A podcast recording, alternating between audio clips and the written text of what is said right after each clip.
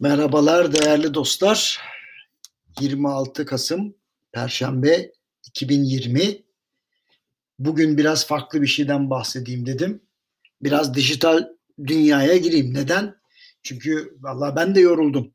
İstifalar, görevden alınmalar, çatışmalar, efendim ateşkesler, barışlar, seçimler, yenilgiyi kabul etmeyenler vesaire vesaire. Şimdi bu yıl aklında ne kaldı bu yıldan diye sorsanız şunlar var ciddi bir borç, işsizlik, para bolluğu, dijitalleşmenin önemi, Netflix bir de Bitcoin'in dönüşü.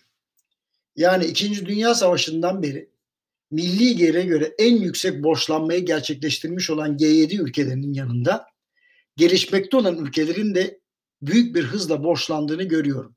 Bir uyarıda bulunayım. Borç büyüdükçe alanın değil borç verenin sorunu haline gelir sanıyorum 2030 yılına doğru bir ülke ya her gün öleceğim ve bugün öleyim diyecek. Kıyamet orada kopacak. Benden söylemesi. İşsizlik sanıyorum 1929 dünya bunalımı kadar olmasa da tarihte eşi benzeri görülmemiş ikinci bir vaka olarak karşımızda duruyor. Genç işsizlik zirve yapmış durumda. İspanya %20 işsizlikle rekor kırıyor. Normalde %3,5-4 işsizlik yaşayan Amerika Birleşik Devletleri'nde yüzde onun üzerine çıkmak üzere. Bunlar ciddi rakamlar. Bir de yapay zekanın yükselişini de hesaba katarsak konu pandemiyle açıklanamayacak bir seviyeye gelecek. Amerika dahil olmak üzere herkes para basıyor. Şu an emisyonda rekor üzerine rekor kırıyoruz ama güvenin olmadığı bu yerde paralar tüketime ve yatırıma tam olarak dönüşmüyor. Likidite tuzağına düşmek üzereyiz. Yani istediğiniz kadar arttırın parayı insanlar harcamıyor. Yapacak bir şey yok. Günün birinde tabii ki bu fazla paranın faturasını ağır ödeyeceğiz. Kafayı kuma gömdük. Bekliyoruz.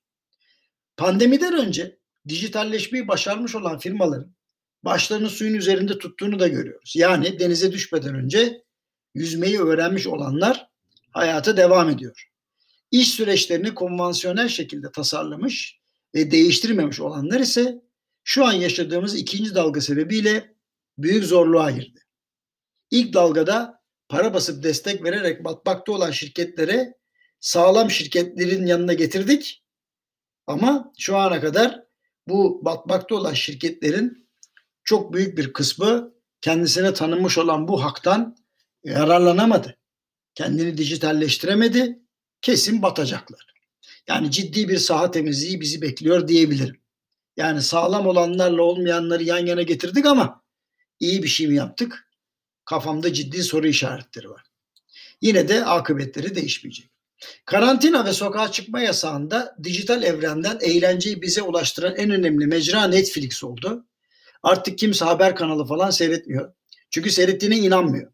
Son dakika haberleriyle gerileceğine arkasına yaslanıp yıllardır doğru bildiği gerçeklerin ne kadar yanlış olduğunu anlatan gerçekçi ve büyük emek verilmiş belgeselleri izliyor.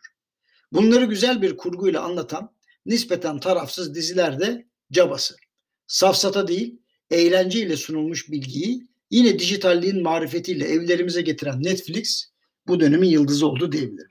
Son olarak kuvvetli paralarla altın arasındaki dövüşten galip çıkan Bitcoin'den bahsedeyim. TL cinsinden rekor üzerine rekor kıran Bitcoin elbette bu saltanatı TL'nin aşırı değer kaybından sağladı. Ama yatırımcısına Türkiye'de kısa sürede altından da daha fazla kazandırdığı ortada. Dolar cinsinden de daha önceki zirvesini görmesine az kaldı. Belki de bu aralar görmüştür. Devletler ve merkez bankaları istedikleri kadar dirensin. Bu gidişat değişmeyecek. Kripto paralar geleceğin değiş tokuş araçları olacaklar.